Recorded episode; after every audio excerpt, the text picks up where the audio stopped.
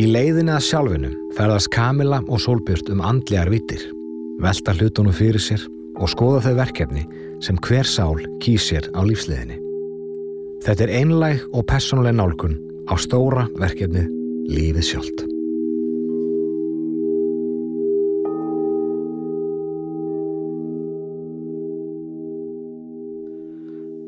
Hæ, þú ert að hlusta á leðina sjálfinu og ég heiti Solbjörn Ég heiti Kamila. og í dag ætlum við að halda áfram með það sem að e, á sömu braut og í síðasta þætti en þá satt ég fyrir svörum hvað var þar heilun og, og heilunar ferðalagi mitt og nú er komið að Kamilu að svara fyrir sig Svara fyrir mig. Nú skalt þú svara fyrir þig, Kamila. Nei, nú, nú setur Kamila fyrir svörum og, og, hérna, og ég ætla bara að vinda mér beint að efninu Kamila og, og spurja þig hvort þú munir hvenær þú fóst fyrst í heilun. Já, ég, einmitt út af því að við vorum aðeins búin að ræða þetta þegar við fengum hugmyndina þessu þætti á, var ég svona að hugsa svona hvenar ég fór fyrst í eiginlegan heilunatíma og ég held að ég hafi oft upplifað heilun og heilandi stundir. Mamma lærði reiki þegar ég var lítil og var alltaf að gefa mér reiki og, og svona. En það var aldrei eitthvað, já nú ert að fara í heilun hjá mér Kamila, hjá mömmuðinni en svona ég held að og ég hefði farið til miðils sem að mér finnst mikil heilun fólkin í því líka. Já. svona sérstaklega svona forfeðra heilun. Um, en svona mikilvægasti og fyrsti heilunar tíminn minn og sá sem að breytti lífi mínu algjörlega var þegar að ég fór til hennar Eddu Gunnarsdóttur sem að nú er hægt að vinna enda líka, þú veist ég er bara þakklátt fyrir að hún hafi enda verið að vinna þegar að ég hérna kynntist henni. Og það eru komin fjögur ár síðan og það var svona upphafið að bara því að ég algjörlega fekk að verða aftur ég sjálf. Já, en manstu, manstu eftir fyrsta tímanum? Já, og viltu, viltu segja eitthvað meira frá honum? já, ég skal sko gera það. Það er svolítið áhugavert vegna þess að- vinnu minn, Angurli, nú er ég bara að nefna alls konar nöfn því elskuna mínar sem ég nefni hér því bara, já þú veist, þetta er allt bara gott. Að Gulli var búin að segja mig frá henni Eddu í mörg ár áður en að ég loksins fór til hennar. Og það var alltaf nú, já, áhugavert og, og greinilega hann að reyna svona að koma þessum skilabúðin til mín og, og hvetja mig til að fara en ég var ekki tilbúin að lusta og það var síðan hérna, fyrir fjórum ára síðan að, að ég er heima á honum og manninum hans og þeir eru að, að tala um ettu og, og sína, sínar upplifunir að tímum hjá henni og, og hérna og ég bara, já, herru, nú bara, ég man því að hafa sagt mér frá henni og nú ætla ég að fara til hennar. Og fekk símanúmer hjá henni örglega þegar ég skiptið eða eitthvað svo les og svo maður talaði, talaði henni á símsvara hjá henni og svo ringdi hún tilbaka. og ég alveg bara, já, ég ætla að ringja því um til bíl segi ég við þá. Og þeir alveg, já, svo kem ég í bíl og ég alveg, ætla að ringja á morgun. Uh, og svo daginn eftir þá var eitthvað pípar að fara að koma til mín að gera við eitthvað, ég alveg ætla að ringja, þú veist. Og, og það er einmitt svo áhugavert eins og við tölum um í síðasta þætti þegar það er eitthvað svona sem er einhvern veginn að reyna aftramanni frá því að Já. fara í eitthvað svona sem að er í rauninni lífs og sálar nöðsynlegt fyrir mann að gera. og þarna var eitthvað þannig sem var að halda aftur um- af mér sem er bara út af því að ég sko, ef ég þarf að ringja eitt símtal þá ger ég það bara. Ekki ég er ekkert eitthvað að draga það og ég ætla að ringja eftir, þú veist, þess að tala inn á símsvara. Þetta var eitthvað svona hérna, já, þannig að ég ringi ekki þann, þann daginn um, eða þess að það komi svona fram á miðan dag og þá, þá ringir hann gulli í mig, þá hafði hann farið til hennar ettu þann dag og spyr hreinlega, bara er er eitthvað sem heitir Kamala búin að ringja og hún segi nei, en það er mjög skýrt að hún þarf að koma hingað. Og ég alveg, þegar hann sagði þetta við mig ég alveg, og hann segi Kamila og þá tók hann bara og ég verð húnum æfilega þakklátt fyrir þá hjálp. Mm. og þá tók hann líka svolítið málinn sína hendur og segði bara Kamila hvað þarf að gerast til þess að þú, þú veist, og bara svona komið svona smá ræðu, ég var alveg, ok, ég ætla að ringja hana. Ringdi hana, fekk tímum, tím, tímum fekk tíma hjá henni minnir að þau eru tveimur dögum setna eða eitthvað og, og ég fann alveg ég fann inn í mér, ég fann í allri minni veru að þetta var ótrúlega mikilvægt og þess vegna var ég mjög stressu þegar ég fór til hennar. Mm. og það fyrsta sem hún segi við meila þegar ég lappi hennar, hún segi bara rosalega margir framleinir í kringu þið og það er bara málið, þú veist að þarna, ég var bara með heila hersingu af framlinnum þarna í kringum sem að ég náði ekkert að hjálpa í ljósið eða neitt annað skiluru og sem að höfðu bara áhrif á orkuna mína. En það líka var ég ekki búin að eiga orkuna mína í mörg ár. Ég var bara einhvern veginn svona semi og autopilot bara í fleiri fleiri ár. Og strax hún segir þetta þá bara á þess að ég einhvern veginn hafi fattað eða vitað, þá vissi ég það samt. Og ég segi bara já. Og fór að gráta. Og bara og hérna og hún byrjaði að hjálpa mér að, að reynsa þetta og, og alls konar sem hafi komist að mér og inn í áruna mína og bara eiginlega bara inn í sálina mína já. í gegnum árin. Og, hérna, og þetta var svona fyrsta skrefið og mjög mjög mikilvægur tími fyrir mig og einmitt bara svona þegar ég vissi að bara eftir þetta er það ekkert samt aftur. Og ég mani mitt að Gulli hafi sagt um mig hann sagði bara hérna, hann sagði látt mig vita og vill tala tala við mig eftir þetta. Og hann örgulega vissi inni líka að vissi bara sjálfur að ég myndi þurfa að bara fara yfir þetta út af því að, hérna, út af því að þetta var svo stórt fyrir mig að fara í einan tíma og, og að, að byrja að fá smá frið. Já en mannstu mannstu hvernig þið leið? Mm, ég man hvernig mér leið. Ég man sérstaklega sko ég, það er ótrúlega merkilegt ég hérna föðurama mín ég þekkt hann aldrei vegna þess að hún dóði þegar pappi mig var nýjara en ég var alltaf rosalega tengd henni en kannski aðeins og mikið tengd henni. Og hérna og ég Edda sendi mig heim með hreinsunabæn og þegar ég kom heim þá þá fór ég með þessar hreinsunabæn og það hreinsaðis grein svo mikið heima að ég fann fyrir svona ákveðni bæði tómleika tilfinningu eftir á það því að það var ekki eitthvað svona eins og ég var vön orkan sem var bara rosa mikið áreiti mm. og bara stöður umgangur í rauninni mm. og svo fannst mér, var ég líka með ákveði samvinskubitt út af mér leið eins og ég væri að senda í burtu greinlega eitthvað sem hefur fyllt mér svo lengi sem að kannski var ekki að besta fyrir mig skiluru út af ég treysti því alveg þau sem að, sem að átt að vera þarna þú veist þarna voru áfram tengd mér en ekki endilega þau sem átt ekki að vera. Þannig ég fann ákveðna sko þetta var svo og, og, og tómleika tilflingin ég held á hans í það bara ég veist, og ekki á neikvæðan hátt í rauninni. Tómleiki þarf ekki endilega að vera neikvætt. Það var bara skapaðist rýmið hann það er eiginlega, nú er ég að átta mig betur á því Já. þannig að allt í henni fann ég bara fyrir rými Já. út af því að oft var það líka þannig að ég bara, og ég finna alltaf þegar ég verð fyrir mikið tröflun í nægjútanum hugsanuna mínar mm. bara man ekki hluti og er mitt fyrir að tala bara byll eitthvað og, og bara næ ekki að klára eina hugsunin í huganum á mér ég menna, halló ég, hérna, þannig að þarna fann ég bara fyrir rými, aftur rými til að vera og rými til að vera ég sjálf og kannski, kannski er þetta svolítið eins og eða væntanlega hefur það, ég þekkti ekki þessum tíma, en væntanlega hefur það verið þannig að þetta þessi orka eða þetta framleina fólk mm. sem að þú reynsaður hérna í burtu með hjálp ettu mm -hmm. að það hafi verið fólk sem hafi verið að nærast á orkunni þinni algjörlega sko og, og, og kannski svona til að setja það í samhengi við lífið að þá þá höfum við öllu upplifað að hitta mannesku og, og, hérna, og vera algjörlega búin á því bara kannski eftir fimm minútna samtal. Nákvæmlega.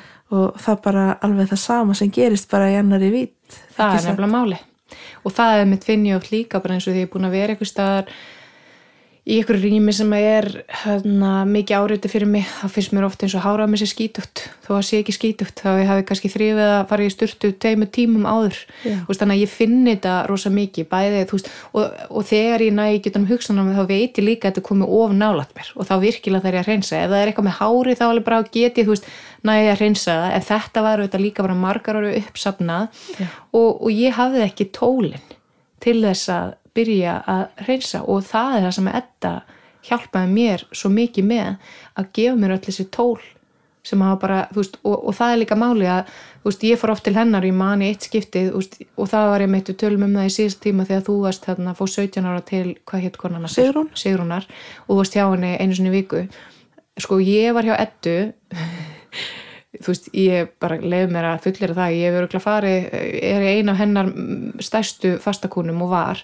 Ég, á tímbili var ég hjá hann á fymta fresti ég bara fann alltaf, það var svo mikið og hún sagði alltaf mér, þú ætlar að gera þetta rætt bara fyrst að ég loksins hann að drullæðist til hennar, skilur eftir allir þessi ár. Að hérna að hún gaf mér svo mikið að tólum út af því að svo er að veist, hún hjálpaði mér ímislegt en svo er líka svo margt sem ég líka geta gert sjálf og fundið og bara og ég er búin að veist, senda þessar reynsunarbænir áfram og, og láta fólk hafa og, og, og hennar vinna hefur skilað sér svo margfalt til mín og til annara í kringum mig líka En mér langar einmitt svo að spyrja þig um að því að tala um reynsunarbæn mm. mér langar svo að þú útskýra þess betur hvað þú meinar með Reynsunabæn. Já, sko reynsunabænir, maður getur í rauninni bara búið til þær sjálfur. Eh, það bara, þá ef maður er að kalla á einhverja stærri orku og mjög hreina orku. Það er alltaf mikilvægt að, að maður byrji um hreina orku eða bara kalli á engla eða andlega hérna, leiðbundur og ég segi alltaf á hæstasti í Geislandi kærleika, það lærið ég líka hjá, hjá hérna hjá henni ettu og svo líka eins og frá þér í samræmi við, við, við minn aðsta og besta tilgang mm. veist, þannig að maður kallar inn einhverja orku til þess að hjálpa manni út af því að við getum þetta yfirleitt ekki alveg sjálf en svo ímislegt geti hreinsa líka eins og með reik eða eh, hljóðum eða einmitt kristöllum en hreinsunabænir þá kalla ég á hvernig orku, yfirleitt er ég að vinna með englum ég kalla á engla, erki engla ég er alveg að vinna með átta englum núna eins og veist ég er alltaf með alveg romsu og annar maður getur mákunum mínum stundum alveg akkur hvernig mannst þetta allt? Og ég, bara, ég veit það ekki.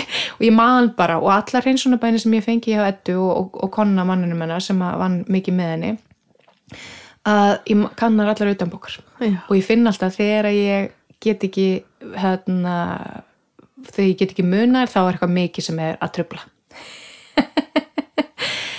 þannig að, að kalla á það og byggja bara það um að hjálpa sér að reynsa og að reynsa þá þá byggjum að, að líka minn sér reynsaður og orka líka með minn og stundum hef ég á tilfinningum bara hvar það er, hvort það sé í húsinu mínu eða hvort það sé í líkamannu mínum eða hvort það sé í orku líkamannu mínum eða orku stöðum og stundum, stundum spyr ég bara og maður bara trista einsæðinu að, að það gefur manni rétt svar. Mm.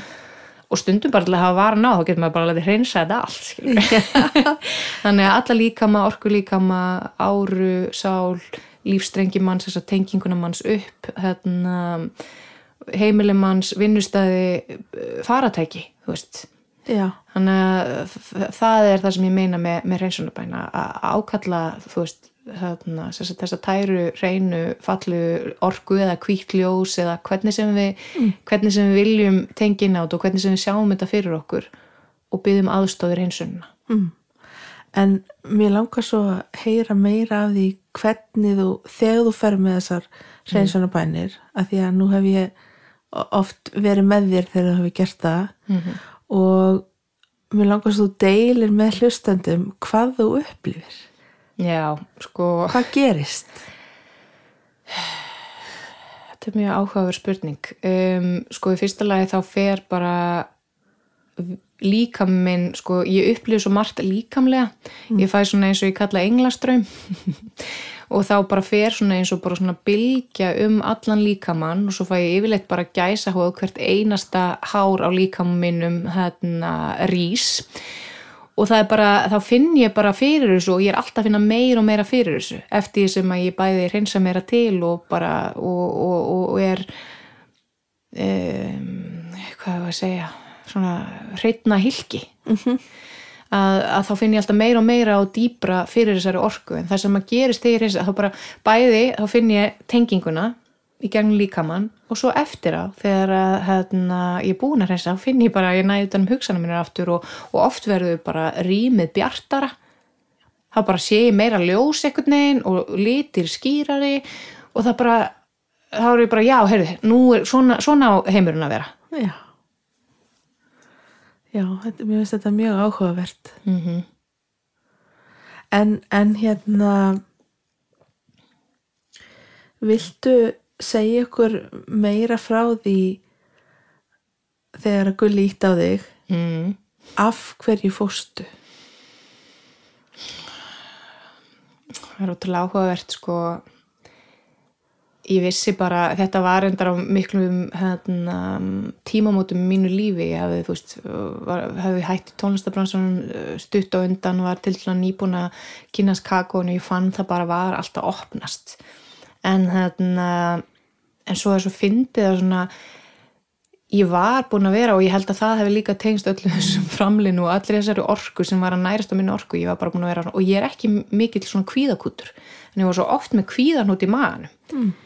Og, svona, og það er líka svo áhugavert svona svo tilfinning eins og að myndi komast upp um mig sem er ótrúlega merkileg tilfinning sem ég hef Já. ekki fundið fyrir hérna síðan var svona, og ég held að það hefði líka á það þegar maður er verður fyrir svona mikil trublun að það eru alls konar svona tilfinningar og upplifanir og kvíði og eitthvað sem er kannski ekki endilega manns eigin sem að, þú veist eða ég bara, ætla bara að tala út frá sjálf mig. Að upplifa konar kvíða tilfinningar og eitthvað sem ég veit að voru ekki mínar eigin sem að voru að halda aftur að því út af því að auðvitað, veist orka sem að á ekki heimi þessari vít eða er ekki líkomnuð eins og við, þarf einhvern veginn að nærast þannig að við þurfum að drekka vatn og borða mat og svona og, og, og, og, og, og það, þannig er þetta nærast á minni orku. Já, og auðvitað ef einhver myndi segja við ég ætla bara að taka alla mat og allt vatn veist, þá myndum við finna leiði til þess að reyna að geta nært sig. Já. og það er kannski með því að, að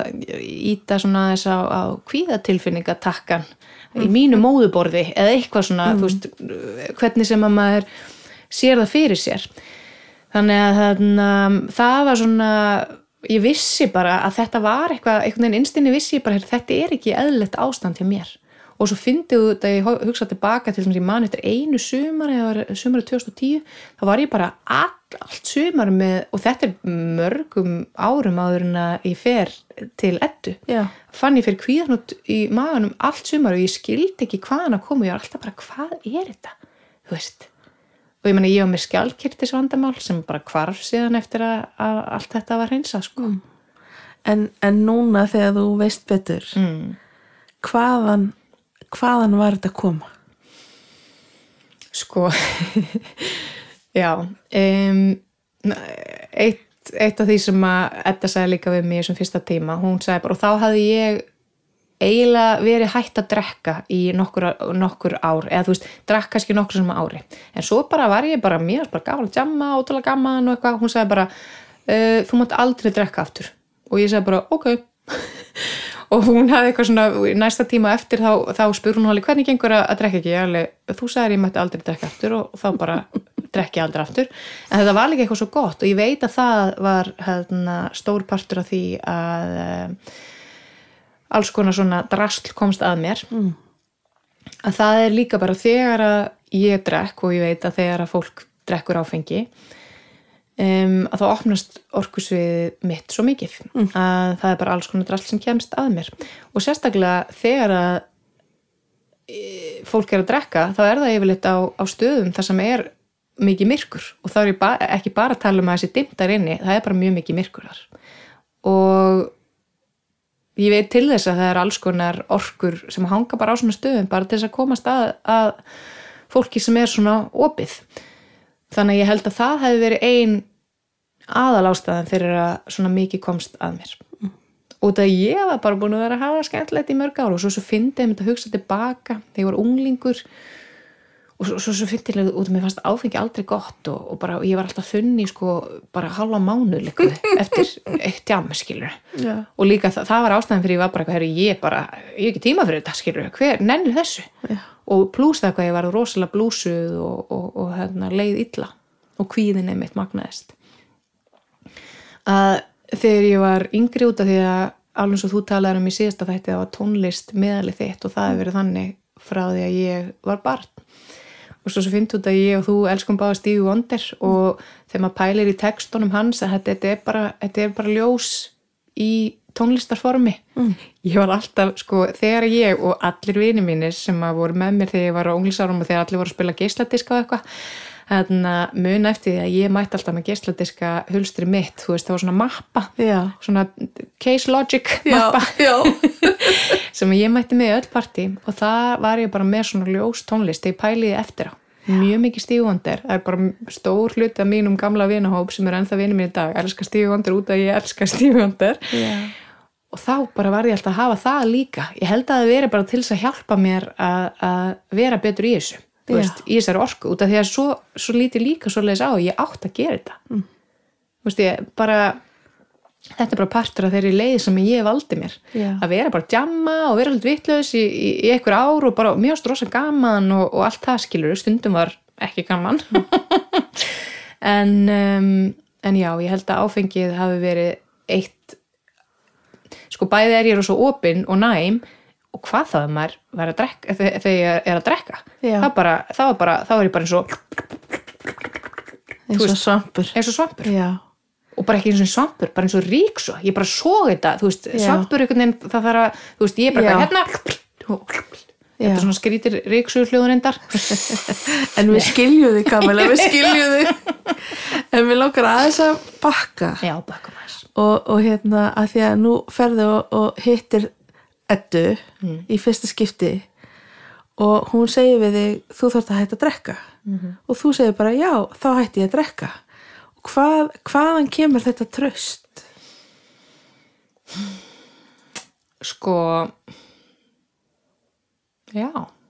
Tröst á eddu þá eða? Tröst bara Já, hvernig, já, bæði tröst á þessa konu og að það sem að hún er að þetta séu rétt skilabóð rétt, rétt og góð skilaboð. Mm og ég meina það trösti, það er bara einsæði líka. Og Já, þarna líka bara. þurfti ég já, nákvæmlega, fyrst að veið eftir þessu? Þarna, þarna líka fór einsæði mitt aftur að þóra að koma fram að sjónar, eða þú veist ekki kannski að þóra heldur það bara fór að hafa rými. Og út af því að einsæðið er kannski rödd sem er ekki eins hávær og, og hinarættinnar að það var einsæði sem að komið trösti Mm. og bara sálin mín, þú veist og ég bara einhvern veginn vissi bara Já. enda líka ég bara, þetta, þetta var eina af mínum bestu ákvörðun sem ég hef tekið sko. Ég sé það líka svolítið að því að nú hef ég hitt þetta líka mm -hmm. að þarna hittur mannesku sem að situr í sannleikanum mm.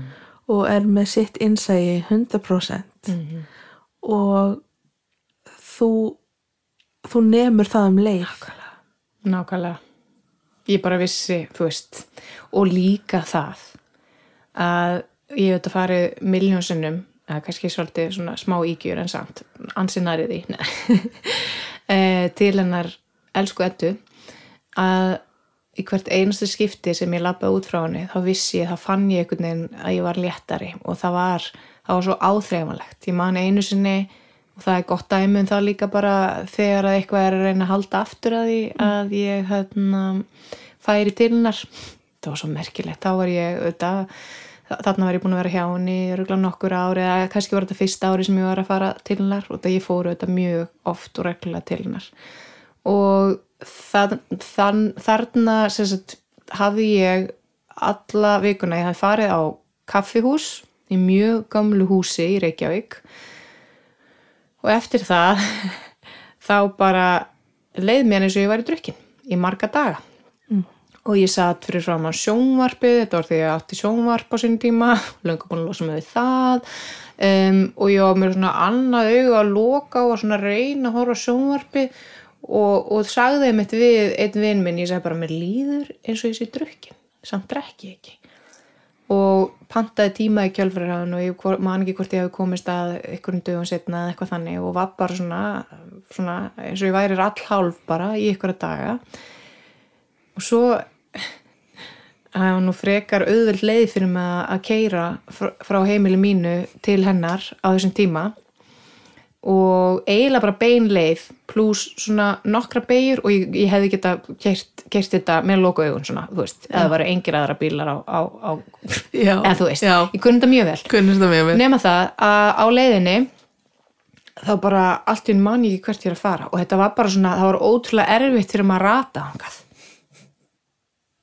og svo kemur til henni og hún segir það er bara eitthvað þrjár fyllibittur innan með þér. Og hérna, sem hefði það bara fessi á mig hann á þessu kaffúsi og það er svo líka svo merkilegt vegna þess að ég á sínum tíma þegar þetta var að vinna þá þarna, það var nú gaman að hafa neina hjá okkur þarna, að þá, þá var ég búin að segja svo mörgum frá henni og voru svo margir sem fóru til hennar og svo, og hún sagði bara það þarf ofta svona að lýsa mjög vel hvar ég á heima og þetta er mjög auðvelt að finna þetta en ofta rata fólk ekki ánga og ég hef svo oft fengið símtöl frá vinum og vandamönnum sem að ég hafði sendt til ettu sem að rötuð ekki. Já, og þá veit ég að það sama var að verki einhver að reyna að hérna, koma í veg fyrir að þau myndi komast á leiðanenda já. Í, í, í ósæðum fréttum þá get ég þér frá því að ég, ég fór til ettu sko fyrir mörgum fyrir áratugum þegar hún var ennþá að sofa við einum mm -hmm.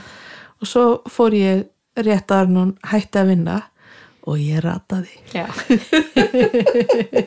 Nokkulega en nú nú veit ég að þú hefur þetta er þér mjög kær og hún hefur hjálpaði mjög mikið og, og, og hérna og, og, hjálpaði þér að s- feta veginn áfram. En ég veit líka að þú hefur farið annað í, í heilun. Er eitthvað svona sem að eitthvað svona sem að þið langar að segja okkur frá sem að stendur upp úr. Já, það er eitt sem að poppa strax núna upp hjá mér og það er sagt, og það var í svona hóp. Og það, það er líka, þú veist, heilun getur verið svo margt. Mm. þetta sem að uh, við erum búin að vera að tala um núna er bara enga tími í heilun hjá heilarar og maður ringir og pantsi tíma og svona, en svo gerist ímislegt í hópum og, og það sem að núna bara uh, stendur upp úr og það bara nýlega eh, sem sagt í fyrra Nei, á þessu ári. Þegar ég var með retreat í Guatemala og svo margt sem hefur gerst bæði á mínum ferðalögum Já. og bara svona sem maður getur ekki eins og útskýrt og oft út í náttúrunni og svona, út af náttúrunni er þetta bara því líkur heilari. Móði, móði jörð og, og öll dýrin og alla plönturnar og en allavega að þá sagt um, var Majan hérna sjaman hérna Walter Thomas heitir hann sem að uh, sagt er frá Guatemala og við, ég hafði fengið hann í retrítið sem ég skipilaði fyrir hópin, hóparna mína að koma og vera með eldatöfn svona hefðbundna mæjan eldatöfn það sem hefur verið að vinna með svona mæjan svo kallu stjörnumerki og, og, þessa, þessa mæjan cosmovision bara heimsýn mæjana já, og þá um, er búið til svona eldstæði þar sem er sett alls konar svona bara fórnir til guðana, sett nammi og, og reykjelsi og kakó er sett í eldin og, og, og við sem sagt, þetta var alveg þetta, mjög heitt og við vorum öll bara með klúta á haustnum og, og reyndum að vera svona hérna, mest mest svona með klæði yfir okkur þannig að við myndum ekki brenna í sólinni kom bara eldstæðinu og ég bara byrja að gráta.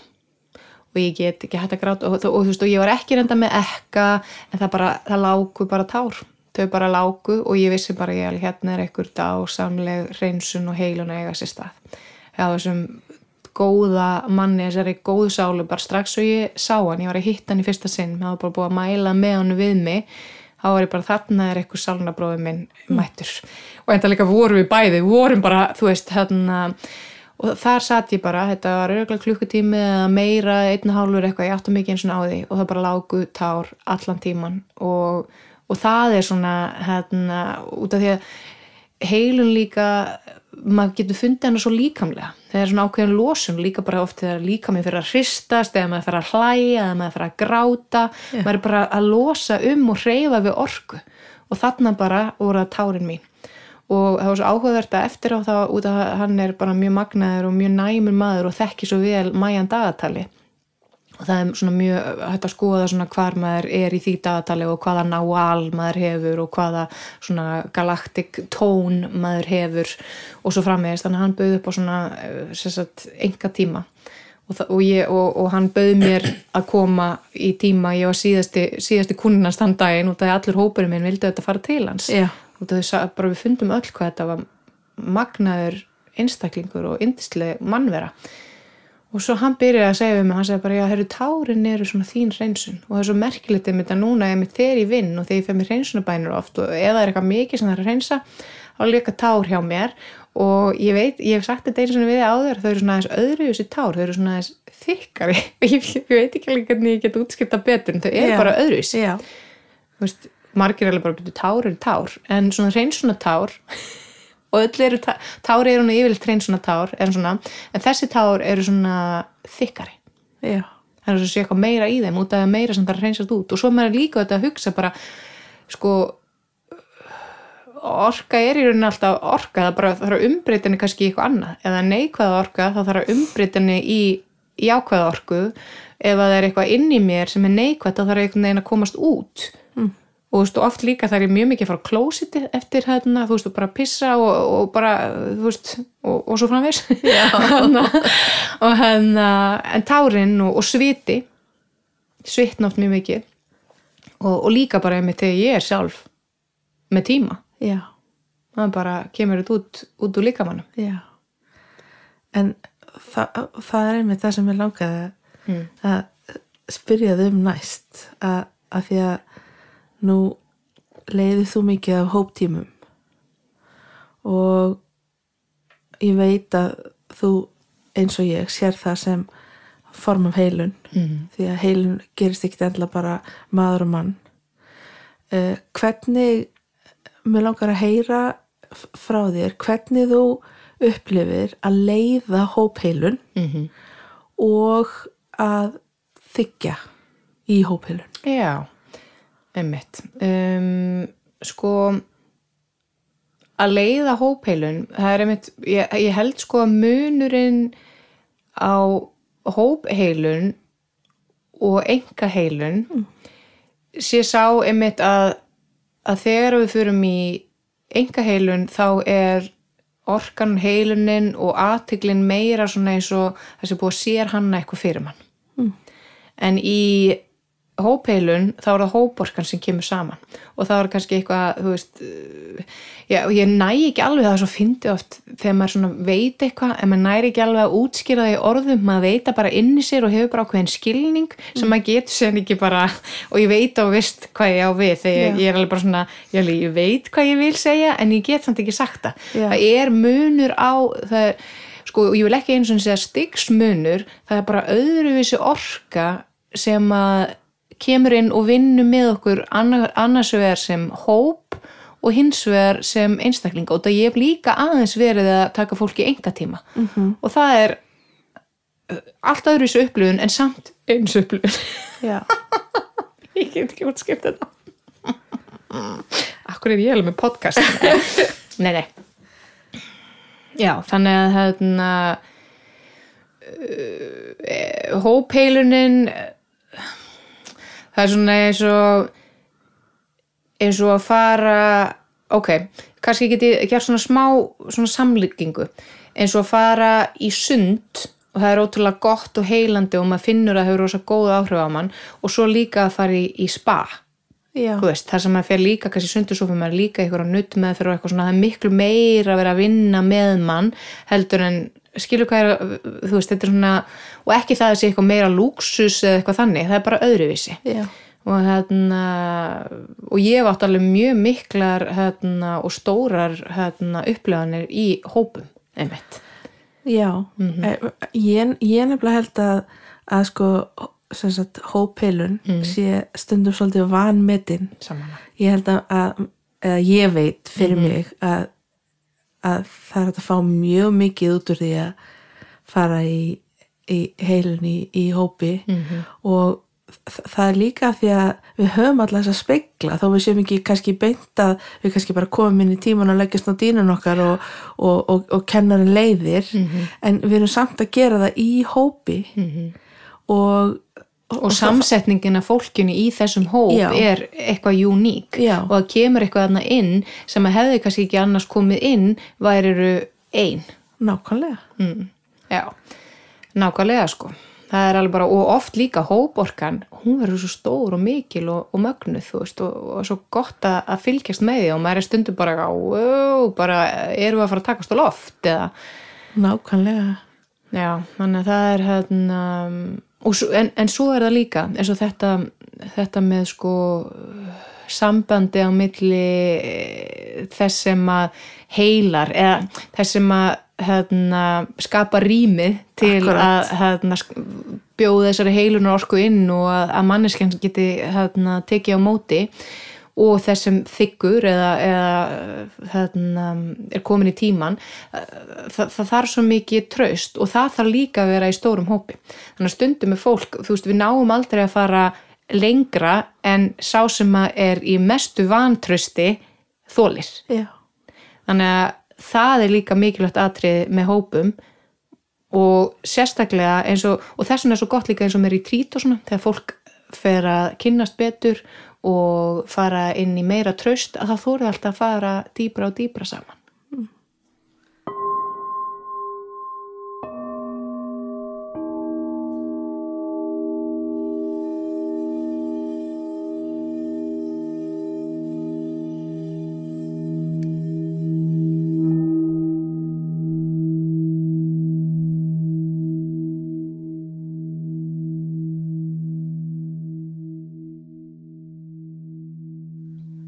segðu mér, hvað er það sem að býr til traust í hópi sem að er að fara saman í heilun?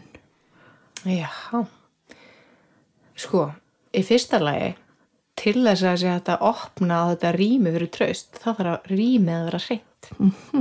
Þannig að það þarf að vera búið að hérna, ég held að það sé eiginlega bara eitt aðalatrið út af því að ef að bæði ég upplifi að ég geti, að ég upplifi eitthvað, eitthvað svona öryggi á þess að það var að fatta að það sé bara eitthvað hluti af mér eða sálin mín upplifi öryggi eða innra batni eða eitthvað upplifi bara öryggi, já hér lifið mig vel. Hér get ég farið djúft Já, að það held ég að sé hérna, eitt aðalatrið að skapa rými hreint og tært og helgað rými til þess að geta farið að fara dýbra og, og losa um lag eftir lag eftir lag mm. og þá auðveldlega getur fólk eins og í hóp, hóptímum þá mun að tengjast mm. út af það er bara, það er ekki þessi trublun og þetta áreiti og þess vegna finn ég líka þú veist, ég var rosa mikið alltaf þvælingi, hingað og þangað að vinna hér og þar og eitthvað, en þá eitt ég alltaf rosa miklum tíma í að reynsa á undan nú vinn ég þetta bara mest í ljósemum en hérna en það er svo gott líka að ég veit hvernig hérna rýmið er þar. Ég veit að ég gengaði vísu að það sé hreint þú veist, svo þetta ger ég bara mitt líka. En hérna þegar ég finna að það er ekki út af því stundum er það bara bara, það er stundum ekki gott að vinna í sumum rýmum. Þá læri maður á því og feir bara ekkert afturlanga en það held ég að sé, sé leikilatri að skapa, að undirbúa rýmið búa til þennan þennan svona container til þess að fólk út af því að uh, það snýst bara heilun snýst bara um að, opna Mm. og þóra og þá þarf maður að upplifa öryggi. Og þess vegna er ég líka svo hrifinaði núna eins og búið að vera undarfærið út af COVID að, að vinna í stafrænu rými. Og ég finna bara þegar fólk er heima á sér í öryggi. Flestir upplifa öryggi á heimilinu sínum og geta skapa sér þannig rými þar sem að þekki hvert einasta hljóð og, og svona líðu vel að þá oft þóri fólk að hérna, fara dýbra en út af því að við erum í hóptímum þá eru við samt að tengina á þessu hóporku. Já. þannig að þetta er eitthvað, eitthvað svolítið magna sem að ég held að og við höfum rætt um að ég er eina stóru gjöfunum í þessum, á þessum breyttu tímum já. En, en aftur að þér og heiluna ferðalæginu þínu, mm -hmm. hvernig, hvernig velur þú hvert þú ferð í heilun? Og ferðu ennþá í heilun eftir að þetta er hægt að vinna? Já, ég meni, ég held að gæti enginn komið í stað þetta og það er enginn svona sem vinnur eins og hún með mér, skilur Nei. en ég meina, jú, ég hérna, ég vel einmitt heilara út frá innsænu og það eru hérna, það er ein mannskjarn á Íslandi sem ég hef farið reglulega til og hún er til Solbjörg Guðmundsdóttir og situr hérna á móti mér. Þannig að það er líka bara ég, ég það, það kemur bara einsæðinu og tröstinu og að vita bara svona einhvern veginn nú, út að ég er búin að hérna, út að ég er búin að losa svo mikið við þetta svona utanakomandi áreiti að þá, þá finn ég að hérna, hvað er rétt og hvað henda mér. En svo hef ég þetta líka bara farið svolítið, en ég er mjög mikið að pröfa og ég hef alveg, þú veist, út af stundum er ég bara svona, þóri mjög mjög og mjög hugrök og, og svona en það er stundum kannski ekki alveg að besta. Og, og, ég, og ég veit nefnilega ég þurft að koma til þín og oft þurft að sín tíma að til ettu þegar að vera einhvers þar í útlöndum, þú veist, og farið í eitthvað og bara komið ver út úr því, Já, út að ég er líka svo, þú veist mí, það er í mínu eðli að sjá bara það besta í fólki. Og ég sé hérna kannski bara sálina þeirra en svo er bara alls konar kannski drasl þessu utan uh, en ég er alltaf bara tilbúin að treysta. Og stundum er það kannski ekki alveg málið fyrir mig. En en ég vel mér heilara og, og, og, og svo er það bara líka stundum það maður bara að reka sig á. Og þá gera maður það ekki aftur. Og það maður bara til sólbjarta sinnar og, og hérna, en svo það er þú og svo er það einmitt ein kona, Kristalla Heilari sem að þú einmitt, ég kynnti ykkur og hún er mögnu, Merrill Merrill Storm sem að hérna, vinnur mjög mikið með mér í Guatemala og hópana mína, ég fer alltaf til hennar þegar að ég er regluð til hennar þegar að ég við erum í sama landi og hún hefur komið til Íslands líka. Þannig að maður er svona á sína. Og, og ég treysti alltaf að sko, ég ég er auðvitað bara 41 og ég á eftir að kynnast fleirum. Já, og, og svo er það líka sko staðir. Eins og ég fór og hef nokkur sem farið í roadtrip um Kaliforníu og í síðasta roadtripi fór, fór til Mount Shasta. Og þar að fara upp á Mount Shasta og ég, man, ég, ég fór okkur með þess að degi með ég var þar, ég held ég að vera í fimm daga. Ég, ég þurfti alltaf að vera kvítklætt ég bara gati ekki hugsa mér að fara ánga upp öðru sem kvítklætt, ég á heilagt fjall, heilagt fjall. og þar hérna, fann ég mjög mikla heilunorku og þannig að þar uh, þurfti ég ekki endilega að bóka með tíma hjá fjallinu en það bara, þá tengdi ég inn á eitthvað og einmitt þar hafði ég líka, það er, það er svona manngerðu píramíti sem ég bókaði með tíma í. Það gerist eitthvað mjög mikið þar inni. Þannig að það er svona alls konar uh, og ég finn það bara ég bara leitt áfram í því.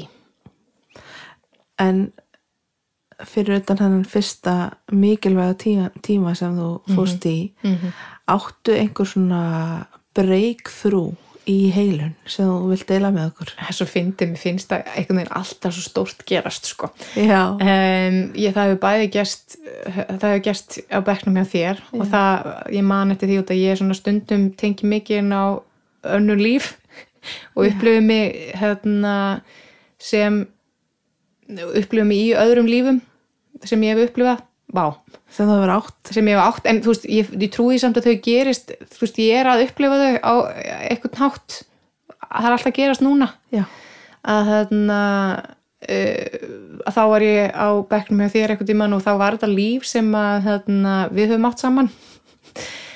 Og þá lá ég bara og ég var á bekknum hjá þér og ég var bara svona gamall, full kall uh, ég var svona sköllóttur og ég var rosalega reyður eða ég var með smá hár, ég var svo reyður og ég var búin að býða eftir afsögnarbyðinni í svo, þú veist, margar aldir eða árþúsundir eða ég veit það ekki einsinni svo þegar hún kom að var, og þetta var svo fyndið að þetta var svona ótrúlega særð karlmennska en ég er auðvitað kona en auðvitað á ég mína karlægu hlið en þetta var eitthvað bara sem var búið að sitja í mér og ég held ég hef átt mjög mörg uh, líf sem karl sko. En það er ég rosa hérna, rosa svona rosa mikið gaur sko þarna upplýði ég bara ég lá á bekknum uh, hjá þér og var þessi kall og þegar ég fekk þessa afsökunarbyðinni eða þetta, þetta sem ég var búin að býða eftir að þá, þá þráði ég það svo en samt á svo erfitt að taka á móti að ég man bara svona hakana með titra þetta var bara ótrúlega merkileg upplifun og það, og það lo,